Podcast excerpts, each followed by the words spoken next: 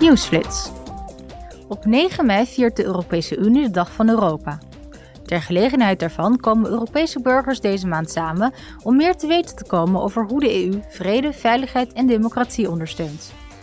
De Europese instellingen organiseren een reeks interactieve activiteiten, zowel in de 27 lidstaten als wereldwijd.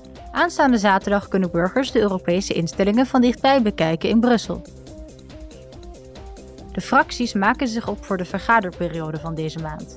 Volgende week zullen de parlementsleden in Straatsburg debatteren over de toekomst van Europa met Olaf Scholz, de Duitse bondskanselier, in het kader van de debatreeks Dit is Europa.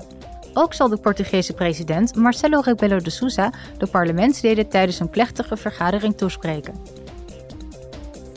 Tijdens de zittingsweek staan ook een debat en stemming op de agenda over een nieuwe wet ter vermindering van de methaanuitstoot in de energiesector, die deel uitmaakt van het Fit for 55-pakket.